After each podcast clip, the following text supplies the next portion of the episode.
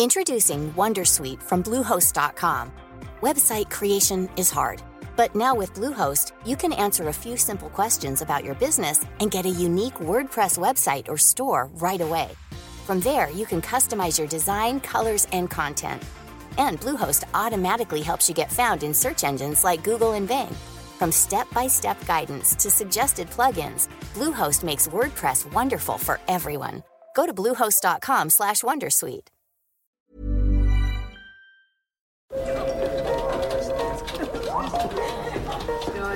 Dette er lyden av norsk næringsliv. Akkurat nå tas det små og store valg som kan bli avgjørende for fremtiden. Med økonomisystemet X-Leger tas disse beslutningene basert på informasjon i sanntid, slik at drømmer og ambisjoner kan bli virkelighet. Få kontroll og oversikt. Gå inn på xledger.no. Denne sendingen er sponset av Xleger.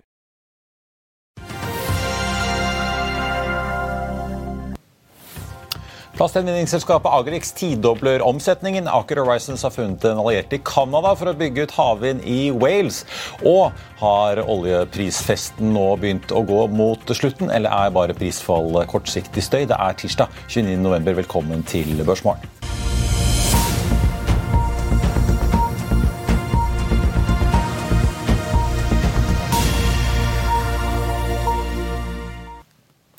En eh, riktig god morgen og velkommen til oss her i Finansavisen. Eh, Mitt navn er Marius Lorentzen, og med meg har jeg aksjekommentator Karl Johan Månes. Vi får straks med oss DNB Markets, senere analytiker Steffen Evjen. Hovedveksten på Oslo Børs endte ned 1,2% i går, etter den oppturen vi altså så i forrige uke. DNB Markets venter i dag at vi tikker oppover 0,2% fra start. Det samme venter Nordnett, etter at altså Wall Street falt på sin første fulle dag etter thanksgiving da i går kveld. Nasdaq endte ned halvannen prosent og ledet han på nedsiden, tett etterfulgt av SMP 500, som også endte ned halvannen. Dow Jones ned 1,4 da nesten 1,5, 1,45 på ukens første børsdag. Og Det er jo da utviklingen i Kina som er med på å dempe stemningen. I dag har imidlertid de asiatiske børsene gjort stort sett ganske bra, forutenom Nikkei-indeksen i Tokyo, som er ned en halv prosent. Oljeprisen har jo også falt mye de siste dagene. I dag ser vi derimot et lite solid comeback. Vi er nå på 85,50 på nordsjøoljen i spotmarkedet, opp 2,8% Den amerikanske lettoljen opp, til, opp det samme, til da 78,60. Og Rysta Energy er for øvrig ute med et ganske interessant eh, notat. De følger jo med på trafikktallene i de store kinesiske byene i realtid som en av sine datakilder, og de mener at de nye koronatiltakene ser ut til å ha mindre effekt på den kortsiktige etterspørselen i eh, Kina. Så må vi innom et par andre nyheter som preger eh, morgenen. Det er jo da problemer etter FTX-kollapsen som fortsetter å spre seg i kryptoverden. I går var det BlockFi som søkte om konkursbeskyttelse. Og i dag eh, er det kryptobørsen Bitfront som har stengt ned, ifølge Reuters. Og så må vi også ta med, ja for så vidt Konkursen kan vi jo slenge med. Den ligger nå på rundt 16 500 dollar per, eh, per bitcoin. Havila Kystruten ute med sine tall. De fikk et driftsresultat på minus 35 millioner kroner i tredje kvartal, med en omsetning på 134 millioner. Resultat før skatt endte på minus 110 millioner. Avilco LNG leverte svakere i tredje kvartal sammenlignet med både fjoråret og andre kvartal i år. Inntektene fra frakten sank fra 14,3 til 8,1 millioner dollar. Bunnlinjen viser et tap på 5,1 millioner dollar. Samtidig så er Avilco nå ute med en revidert utbyttepolitikk som vil implementeres i de kommende kvartalene. og Utbyttene de betales da kvartalsvis.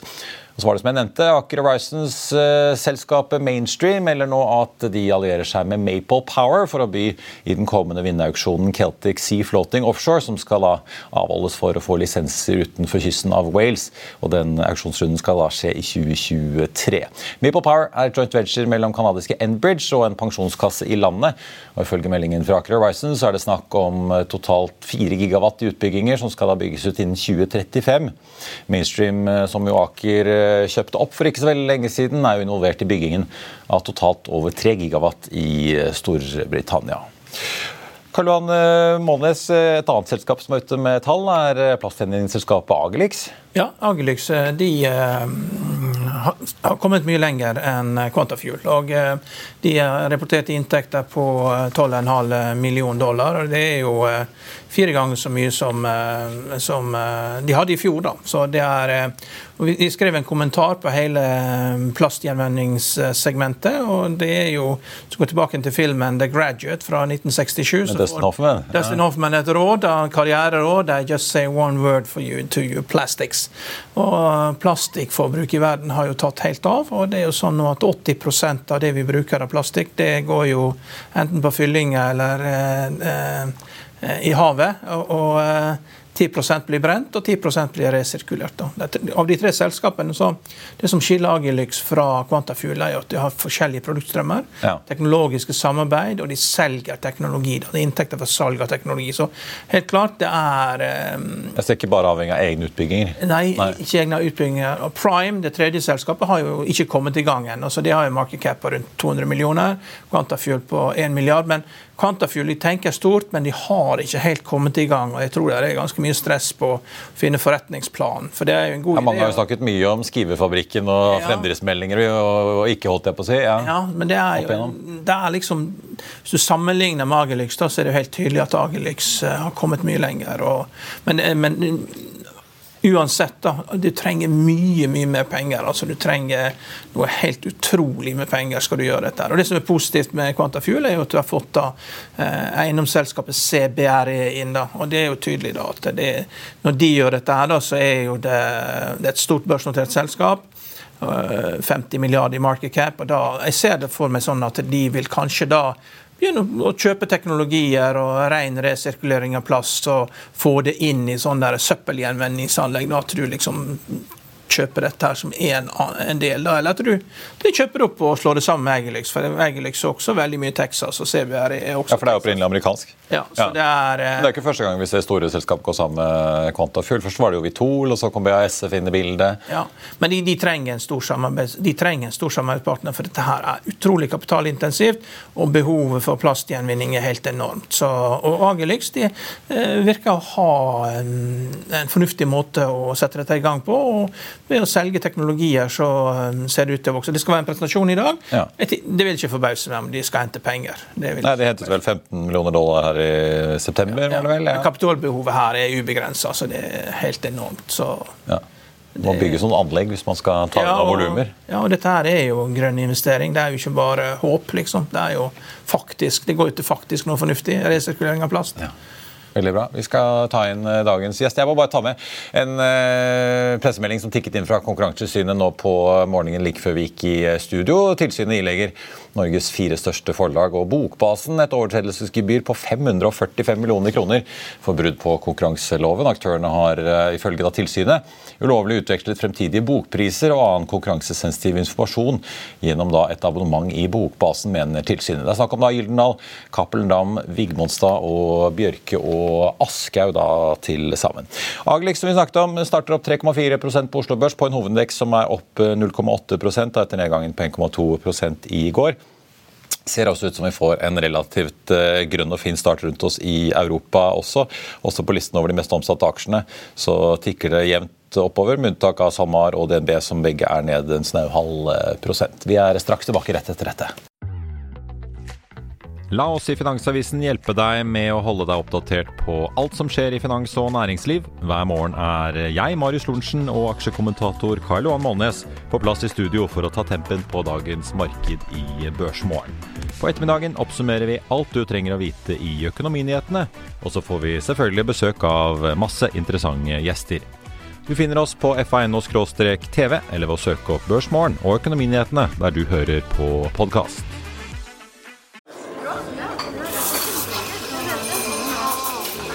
Dette er lyden av norsk næringsliv. Akkurat nå tas det små og store valg som kan bli avgjørende for fremtiden.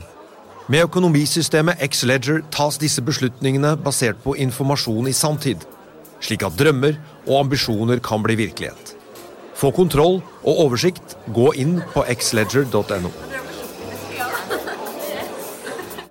Denne episoden er sponset av van Brun, en fremtredende smykkeforhandler kjent for sitt brede utvalg av forlovelsesringer, gifteringer og diamantsmykker som bæres og elskes i generasjoner. Et frieri er en av de største øyeblikkene i livet, hvor forlovelsesringen er et tidløst symbol på kjærligheten.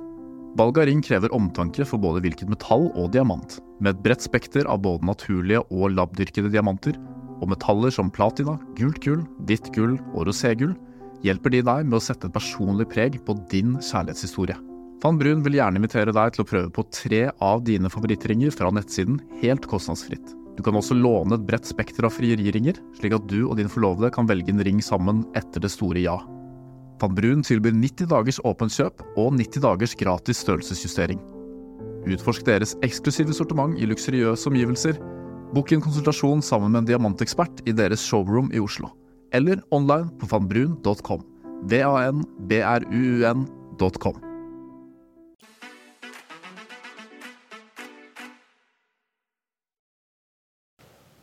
Da skal vi snakke om oljeaksjer, som jo mange har ment er inne i en slags eh, supersyklus, inkludert av Tor Olav Trøim etter mange år med underinvesteringer og en verden som skriker etter energi på vei ut av en pandemi og med Russlands invasjon av Ukraina. Men er festen over før man har dratt fra vorspielet, når vi nå har sett oljeprisen plutselig falle med 10 dollar til 80 dollar fatet på det laveste i går. For ikke å snakke om da fallet fra 138 dollar på toppen i spotprisen i mars. Steffen Evjen, eh, DNB Markets senioranalytiker, velkommen til oss. Takk for det. takk for det. Ja, jeg vet ikke, Tror du at du blir invitert på julebord i Equinor etter å ha tatt inn et hold eh, nå i høst? da? Ja, Han har ikke vært på en julebord hos dem så lenge jeg jobber, jobba. Men uh, nei, det er klart at uh, det er jo en Det har ikke noe mot selskapet som sådan, men det er jo en valuation call og en estimat call, egentlig. Ja, for det, det, bare for å ta det da, for de som ikke har fulgt med så tett på deres anbefalinger i DNB, så har dere vært ganske positive til disse oljeaksjene. Eh, en god stund nå. Eh, og du ligger jo fortsatt inne med kjøp på både Vår Energi og Aker BP og DNO eh, bl.a. Så er det bare at Equinor har blitt for dyrt. Ja, og så er det sånn På gassmarkedet og gasspris altså Det vi så, var vel egentlig at uh, konsensus begynte å legge inn ganske høye gassprisestimater for 2023. Uh, og Det som har dratt Equinor-kursen siste året, halvannet, er jo egentlig gasspris uh, primært, eh, og olje, men, men spesielt gass. Um, og nå tror vi at Se på estimatene på 2023, inntjeningsestimatene, så har jo de gått opp jevnt og trutt hele veien. Uh, men nå tror vi at det på en måte har nådd et tak. Uh, og da, uh, med tanke på at de også priser til en 20% premie til europeiske majors, så trakk vi litt i bremsen der, egentlig. Det, ja. Men det er jo fortsatt en aksje du får 14-15 direkteavkastning, eh, utbytte og tilbakekjøp. Eh, så man skal jo ikke selge den som sådan, men, eh, men den oppsida er litt begrensa. Si det, det er ikke hver dag du ser på store, store selskaper? Nei, det er riktig. Men på, dere har jo kjøp på, som jeg var inne på, både på Aker BP og DNO. Er det rett og slett bare at der er prisingen litt mer forsiktig, og de er ikke så gasseksponert, da, eller? Ja, du kan si Vi er nok eh, fortsatt mer eh, konstruktive på olje kontra gass fremover. Så har jo det kanskje vist seg å være feil de siste, siste måneden, siste par ukene. Men vi mener jo fortsatt at oljemarkedet er på tilbudssida ganske tight. Uh, og så er det jo masse støy på, på etterspørselen rundt uh, resesjon og, og, og, Kina, som, som, driver oljeprisen ned i det korte bildet, i hvert fall. men vi, vi venter jo en oljepris på rundt tresifra de neste årene. Eh, at vi skal opp fra dagens nivå. Eh, og da mener jo vi at, eh, at markedet kanskje priser inn en olje som er lavere. Og da skal man jo være mer vekta mot de som er oljeeksponert, og da er jo Aker BP spesielt. Ja. Og, og DNO og de andre små da, som egentlig kun er olje. Ja, for, for de liksom under Equinor så har det vært hyggeligere å være vår energi egentlig enn kanskje Aker BP akkurat i år. da. Ja, altså vår, vår, Energi har jo mer gass relativt sett enn Aker BP har i porteføljen sin. Absolutt, og Vår fikk jo en flying start sånn sett, i etterkant av børsnoteringa. Um, og så har jo den aksjen kommet litt ned i etterkant. Uh, litt drevet av at gassprisen har kanskje roa seg fra, fra de, de, verste nivåene vi så i sommer, og litt sånn selskapsspesifikke ting som har vært på, på nedsida. Uh, men vi mener vel at på lengre sikt så, så, ser vi nok en bedre si, verdi i Aker BP. Um, og vi liker jo den prosjektporteføljen de har. Uh, selv om Wisting nå falt ut, så, så, ser vi jo, hvis du ser på en måte i et femårsbilde, så ser Aker BP bedre ut fra sånn vekstperspektiv. Uh, klart Vår har jo en fin produksjon fram til 25, og så er det litt mer sånn mørkt uh, derfra. Hvor ja. egentlig, de egentlig ikke har noe som helst som, som drar veksten videre. Um, mens Aker BP har egentlig ut tiåret her, da, hvor man ser en, en fin liksom, kurve. Så vi, vi liker jo begge to, men vi er nok, eh, Hvis vi må velge, så tror jeg nok at vi liker olje litt mer enn gass, og da blir Aker BP på en måte vårt, eh, vårt topic akkurat nå. da. Men du, du hadde en, en uh, interessant uh, verdiendring på Aker BP. Du tok det med 15 kroner til 420 her for ikke så lenge siden. Og I begrunnelsen din så skrev du både at uh, det var fordi Wisting er utsatt, i hvert fall ifølge Equinor. Du tror det er kansellert. Og du la inn også en generell prisøkning i bransjen. Skal vi ta bare Wisting først? Hvorfor tror du at det er kansellert når Equinor står og banker i bordet og sier dette er bare et spørsmål om tid? Vi må få kapasitet på verft i Korea.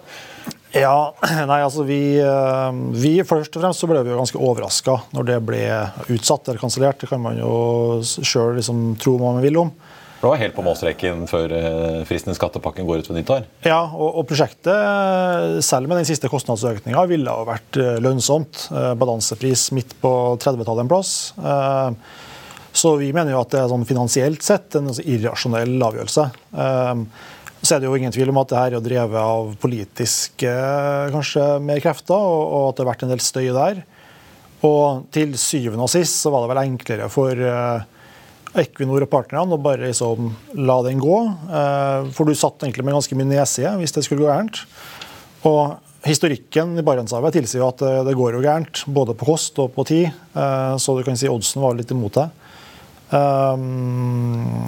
men når vi er der vi er, og den ikke blir med i skattepakken, som jo du kan si skattepakken, det, Hvis det var ett prosjekt som dro nytte av det, så var det Wisting. For det var jo et komplekst prosjekt som, eh, som Du fikk det break-even med en 10 dollar fattet? Ikke sant, og Du hadde veldig mye beskyttelse på Hvis kostnadene økte, så var du beskyttet gjennom skattepakken. Um, når den jo da, Hvis den blir sanksjonert i 2026 uh, eh, under et vanlig skatteregime, så mister du litt av den beskyttelsen. og vi regner jo med en balansepris nå på midt på 50-tallet en plass. Eh, som klart eh, Da er det ganske tett opp til den prisen Equinor opererer med langsiktig. Eh, som gjør at vi og, politisk sett så blir det ikke noe mindre krevende å dra i gang det der om tre-fire år. Så, så, vi tror at det blir lagt i skuffa for godt.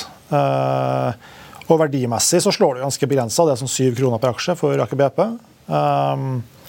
Så, så det, det, slår jo ganske lite. Men klart, som du sier, på toppen her nå så så, så vi at på Wisting så dro det på seg en del ekstra kostnader. Så tror jeg mye av det var prosjektspesifikt. Eh, det er jo et unikt prosjekt. Eh, og det er jo fortsatt Norges største måte, oljefunn som vi ikke har bygget ut, som vi vet om. Ja, det er jo det. Og nå har du bare ett igjen, det er jo Noaka. Ja. Utover det så er det ganske, ganske, ganske lite i, i pipeline. Eh, men vi, vi, ser jo definitivt at kostnadene øker for hele oljesektoren. Eh, og vi venter jo nå at Aker BP, når de rapporterer fjerde kvartal eh, i februar, kommer til å oppdatere sin guidance på, på investeringer. Og min jobb er å prøve å være i forkant. Da, så vi tror at de kommer til å legge seg 10-15% høyere enn hva det er verdt. Fordi det er et økt inflasjonspress i hele verdikjeden, egentlig. Uh, i, i olje. Ja, si litt om Hvordan påvirker det for Du, du la jo det da inn i kalkylen på Aker BP, men uh, Geir Tongsvik i Knorda, han overleverte utbyggingsplanen for Irpa, dette gassfeltet i Norskhavet her. Forrige uke var det vel, så snakket han om at de ser kostnadsøkninger i hele porteføljen, de også. Hvor, hvor, ille er det? liksom? Er det, hvor mye presser det estimatene dine på fremtidig inntjening i disse oljeaksjene? Det som er Spesielt i Norge, da, og i hvert fall nå når Aker BP da, og Equinor for så vidt har en del i skattepakken, så har det jo ganske god beskyttelse. Ja. Um, Vi så jo Shell utsatte et prosjekt i Brasil uh, her om dagen også, så det er ikke bare i Norge hvor man, nei, man er litt i tenkeboksen? Man ser det egentlig litt sånn jevnt over. og så Det som er spennende å se nå, det får vi kanskje svaret på de neste månedene, det er jo om er det her liksom uh, prosjektspesifikt, Wisting og Gato di Mato, som du nevnte i Brasil, uh, eller er det bare at når kostnadene blir for høye og risikoen blir for høy, så er det enklere for eh, oljeselskapene å utsette det. Eh, og det er klart, Hvis det er sistnevnte, så er det litt sånn negativt for oljeservicesektoren. For da, da, ser du at volumet vil måte, gå litt ned, eh, eller, iallfall skyves på. Men sånn verdimessig så Vi tok jo, ned, vi tok jo opp kosten med 15% for Aker BP. Og det slo med halvannen prosent på, på vår verdsettelse. Og Grunnen til at det slår så lite, det er jo fordi at uh, norske staten dekker jo ja, nært 90% av de kostnadsøkningene ja. gjennom skatterefusjon. Så du har jo en ganske bra beskyttelse der fra, fra oljeselskapets uh, ståsted. Men vi får jo se, nå skal det jo sanksjoneres en hel haug ting i Norge da, siste måned. Tror du flere prosjekter er i spill nå, eller det, går de fleste fra plattformen som de skal? Jeg tror vel at majoriteten kommer til å gå unna. Uh, og mye av det som skal sanksjoneres, er jo subsea tiebacks, som er ganske lite komplekst og, og har en litt lavere en måte, kostnadsrange. Uh, men vi får se. Hvis det er noe som sklir over, så får vi jo liksom se hvorfor. og Det gir oss et bedre svar på hvordan uh, oljeselskapene kommer til å agere i det som egentlig er en kostnadssykkel de ikke har sett før. Eh, vi må tilbake til 2014 for å se noe tilsvarende. At, eh, at kostnadene økte i serviceleddet. Ja. Eh, så det er jo noe som man kanskje nesten har glemt kan skje. Kanskje aksjekursen så får vi se. da. Able har jo hintet om at de ønsker å komme seg på børs. Vi har fortsatt ikke sett det der endelige grønne lyset fra Ratos og Ferd. Neida, men det, det, er jo litt stramt marked, da. Så det Emisjonsmarkedet er ikke der helt ennå. Nei, men hvis det åpner seg opp men altså, vi, ja, vi, får se da om de går på en sånn uh, ny smell hvor de har masse å gjøre kjempemarginer, og så er det masse kutt og innstramminger. Ja. Du, du, følger også BV Energy. og Der har du kjøpsanbefaling. Kursen er 27, og du har target 32. Eh, snitt av de andre kursmålene er 40. Så hvorfor har du så lavt kursmål der i forhold til de andre? Det er nok en refleksjon av at vi er litt mer sånn eh, konservative på hva vi tror aksjen eller hva markedet priser aksjen til. Eh, vår metodikk da er jo at vi, vi regner jo en sånn Nav, eller en, en verdijustert egenkapital. Uh, hvis du ser på BVE, så har jo den vært prisa til en rabatt på 50% av det historisk, siden noteringa. Og det er jo en veldig høy, høy rabatt, den største rabatten egentlig i vår, vårt univers. Så kan man jo spørre seg hvorfor er den rabatten så stor. og klart Ser man BVE fra IPO i tidlig 2020 til i dag, så har det egentlig vært en sørgelig historie. De har jo nedrevidert uh, produksjonen i Gabon hvert kvartal. og det har egentlig vært ganske lite uh, positivt uh, utover en høy oljepris. og um, det vi har gjort da, som, som, kanskje skiller oss fra våre konkurrenter, er at vi, vi har en, en egenkapital, en verdijustert egenkapital. og så sier vi at vår target skal være eh, halvparten av det. da, egentlig. Så vi, vi, tror at rabatten skal være sånn som det har vært historisk. Ja. Har, har, BV Offshore, som det ble spunnet ut av, tjent på å bli kvitt eh, BV Energy? da? Har, har de gjort det mye bedre enn de ville gjort hvis at BV Energy la, lå inne i BV Offshore?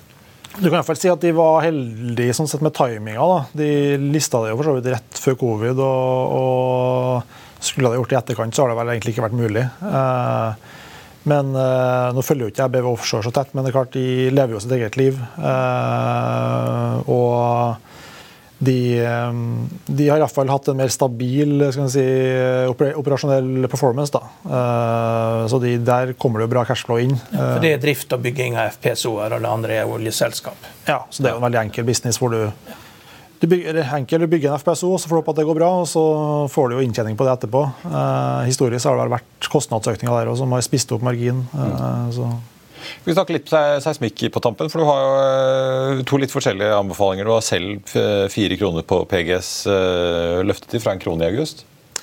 Ja, den krona var Eller det var kanskje forrige, din forgjenger sammen? Ja, den, kron, kron, den, krona hang igjen litt, skal vi si. Ja. Så det, det hang igjen i Bloombergen. I hvert fall, De ligger jo nå på 560. På TGS så har de jo holdt på 150, de ligger på 132.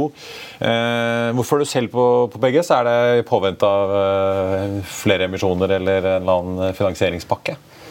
Vi, eh, vi, er der at de henter nettopp noe penger, eh, et, et, bra beløp. Eh, vi sa vel i leddet av analysen at de måtte hente minst 200 mill. dollar for å adressere det behovet neste år.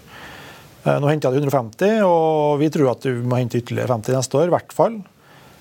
Og så er det jo et selskap som er operasjonelt veldig gira. altså Hvis du får en, et stramt marked på kontraktsida i seismikk, så så drar PGS nytte av det. Eh, og Det kan slå ganske kraftig på våre estimater. Eh, og så har du jo multiklient, som er en blackbox hvor, hvor late sales også kan bli høyere enn man venter. og Da, da kan du komme gjennom det uten å hente penger.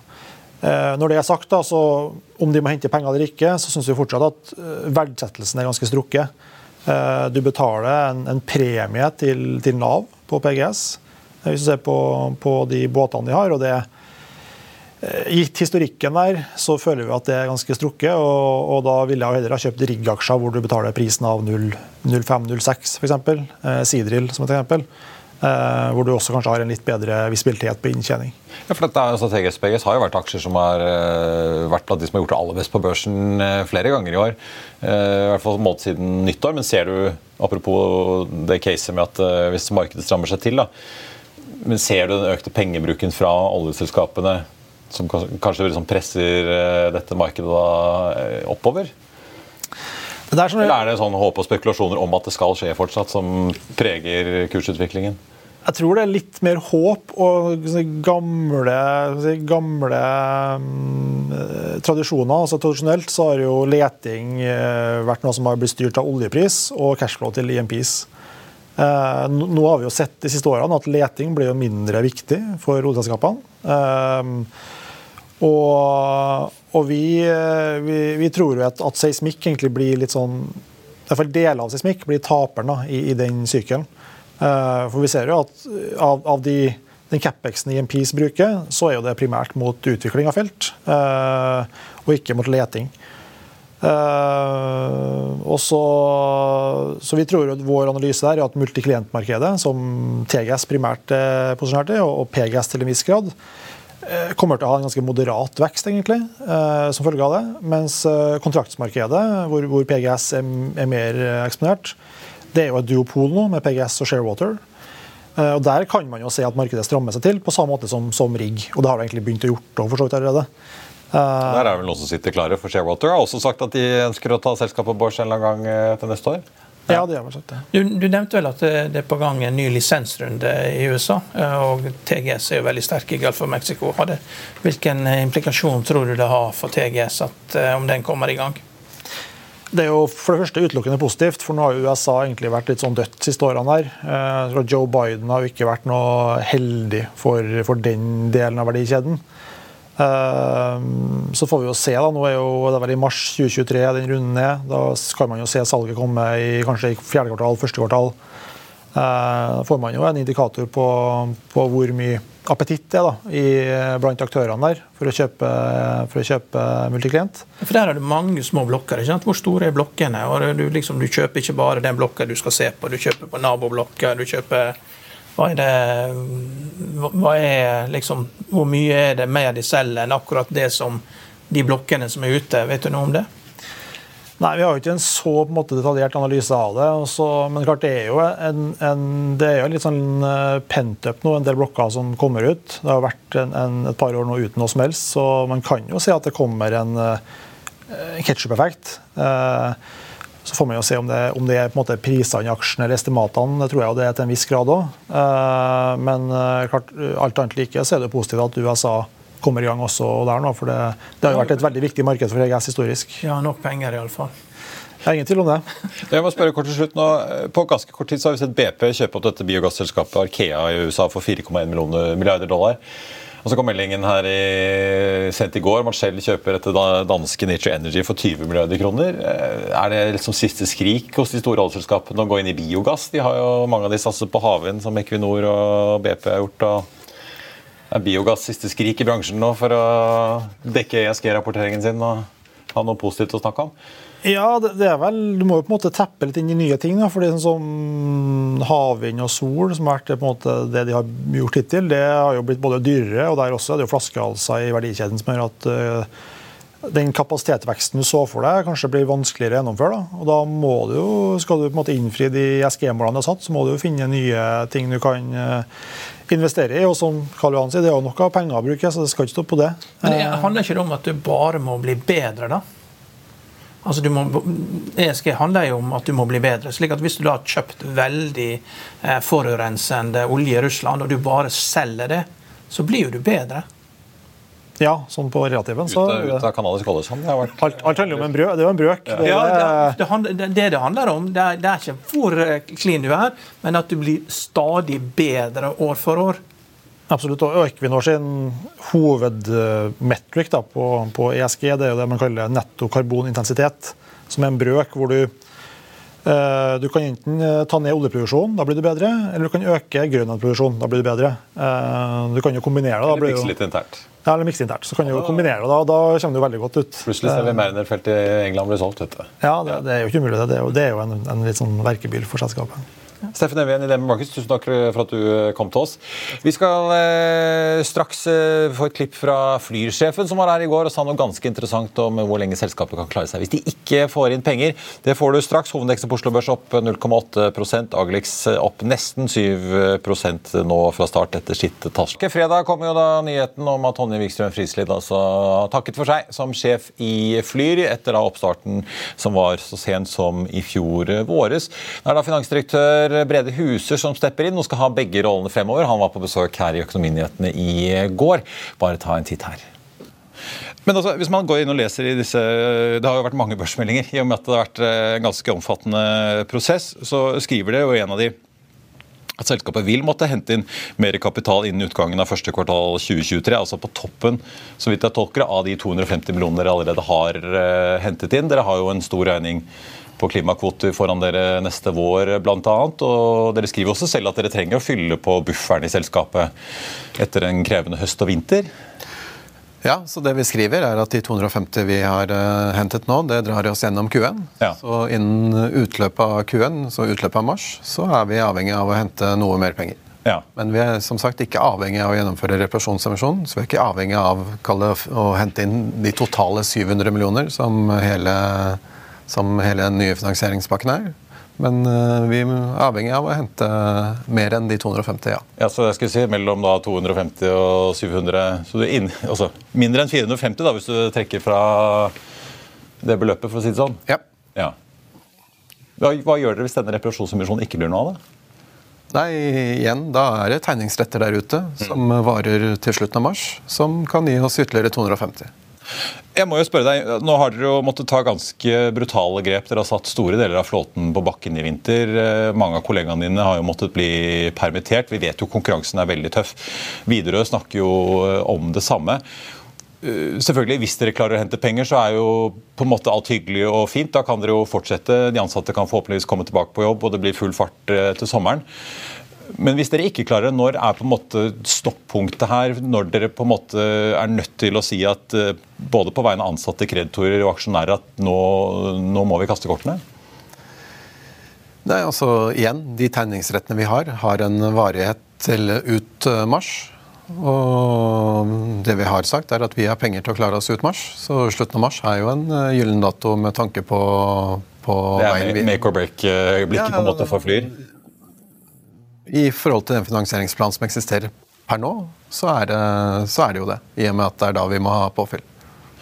Hva sier dere til kundene? da? Det er jo en krevende situasjon, for du skal jo også få folk til å ville bestille billetter. Ikke bare til juleferien, men gjerne også kanskje helst til vinterferie. Dere flyr jo til Alpene, flyr nedover i vinterferier og påskeferier og etter hvert også sommerferier. Vi får fryktelig mange heiarop fra kundene våre, fra gjestene våre, sånn som vi kaller det. Og de veldig støttende. Og så må vi huske på at, eh, at, eh, selv om noen kjøper en billett nå for reise i januar, februar eller juli, så er det ikke vi som får pengene. Det er jo kredittkortinnløserne som sitter på pengene. Så. Ja, for sånn var det jo også. De, du har jobbet i Norwegian før, så du kjenner jo til dette. Kortselskapene er veldig gode på å stramme igjen hvis de blir usikre. Det gjorde de jo på hele bransjen under korona. Ja, og vi har jo på en måte hatt kall det full innstramming fra dag én. Ja, Så dere får ikke pengene før dere flyr passasjerene omtrent? Passasjerene. Og hvis vi ikke gjennomfører en flyvning, uansett årsak, så kommer de pengene direkte tilbake til kundene fra kredittkortselskapet. Ja, så du sier egentlig kjøp billett med Flyr, bare bruk kredittkort? Ja, vi selger jo ikke på annen måte enn kredittkort til, eh, til privatkunder. Det er ja, Karl Johan, eh, Ganske interessant å høre Brede Huset fortelle. Det er jo åpenbart en ganske krevende og kritisk situasjon i uh, selskapet. så han er jo åpen på at ja, de trenger mer enn de 250 millionene de har hentet. Men de trenger ikke den fulle pakken på 700. så... Jeg synes han er veldig flink. Inntil 450 millioner til et eller annet sted? Få fram alle detaljene. og uh, Det er klart det, det store potensialet i Flyr-aksjen ligger jo i om uh, SAS må redusere virksomheten sin noe. Det sa han jo, det hørte jo ikke her, men han sa jo det i går at hvis, eh, hvis de blir skalert ned eh, som følge av Chapter 11, så er det en stor mulighet for flyger da. Ja, og Vi er i en situasjon hvor high yield-markedet, som Renten er opp med 4% og det er nedgangskonjunktur. Det skal bli veldig tøft for SAS å hente inn alt det de trenger. Det kan hende de får det til, men det blir ikke lett. og Dette skal de i gang med i januar, og vi er jo så vidt begynt med nedgangskonjunkturen. Rentene går opp, og i morgen skal Powell snakke. og Det kommer til å bli hårde bud. og det er ja, det er et tøft klima for SAS å hente inn penger. Da. Men det er klart den danske stat er der, Apollo er der. Men det kan jo hende det at det, det hadde ikke gjort noe om de skalerte litt ned. da. Og da kan de gi store muligheter. Norge har jo vært en melkeku for SAS. Også. det har vært kjempeviktig. Det er jo mest innbringende markedet deres. Ja, men det var før i tiden, når alle drev og reiste til Når folk reiste til Bergen for å ta et møte, og folk i Bergen reiste til Stavanger og satte seg ned med laptopen sin og hadde Teams-møter og fløy tilbake en samme dag. Alt det der er borte. Ja. Så veldig mye av det som er grunnlag for melkekua i SAS, er borte. Og det må de forstå. Eh, så det, det er, Vi er kanskje et av de få markedene der det er vesentlig mindre etterspørsel etter fly eh, innenriks enn det var før, fordi det var så overdrevet før.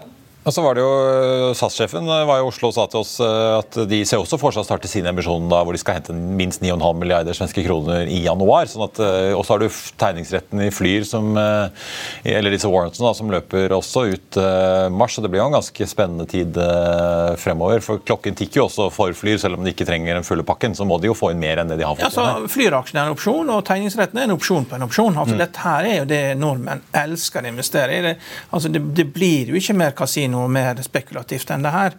Og når det også da går til en god sak, at det kan berge et eh, flyselskap som eh, veldig mange liker, og de har jo vunnet hjertene til folk her i Oslo-området, det er jo ikke tvil om. altså De eh, gir jo de alt de kan av eh, flytende drikker som ikke har alkohol i. Eh, og det, det, veldig, det, setter man veldig stor pris på, og det er helt tydelig at det er de har skåra høyt på, eh, på det. og da prøver man. Og det, man må ha to flyselskap i, i, Norge, og hvis SAS da trekker seg og reduserer eh, aktiviteten noe, så er Flyr klar. Ja.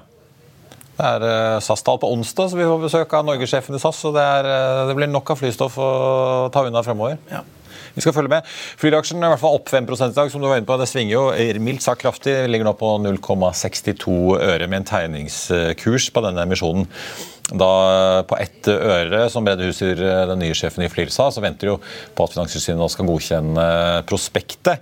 Og Da setter de i gang denne reparasjonsemisjonen enten rett før eller rett etter jul, hvis ting går som eh, det skal. Det skal vi selvfølgelig følge med på. Norwegian-aksjen ned en halv prosent i dag, ligger nå på 8 kroner og ja, nesten 70 Aker Horizons ned 0,75. De meldte jo da at de allierer seg, eller at deres eh, selskap Mainstream allierer seg med canadiske Maple for å by på da den eh, offshore-auksjonsrunden Celtic, som er like rundt hjørnet.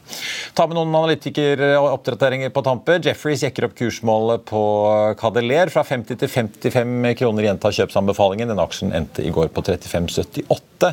Og så er det bilfrakt. da. Både Valenius Wilhelmsen opp 2 i dag og Gram Car Carrier opp 0,3 i dag. Har jo vært aksjer som har gjort det veldig bra eh, over en ganske lang tid nå. Lave kjøretøylagre og et etterslep på fornyelser av bilparken i viktige markeder som USA og Europa, samt da vekst i kinesisk bileksport, er ifølge Demi Markets da driverne av høye rater for disse to selskapene, inkludert også høye Autoliners eh, fremover.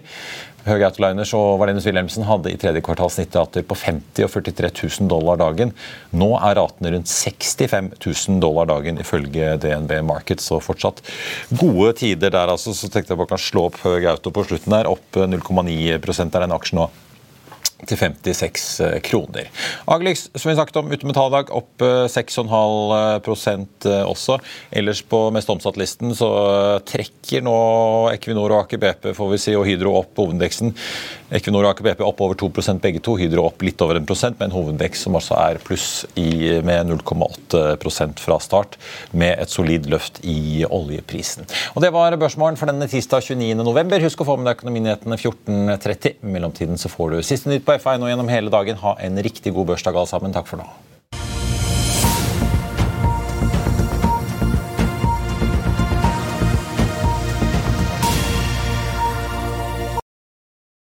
Denne sendingen er sponset av Xleger. Økonominyhetene er en podkast og videoproduksjon fra Finansavisen. Programleder er Marius Lorentzen. Aksjekommentator er Karl Johan Molnes. Produsent er Bashar Johar. Podkast- og videoansvarlig er Marius Mørk Larsen. Og ansvarlig redaktør er Trygve Hegnar.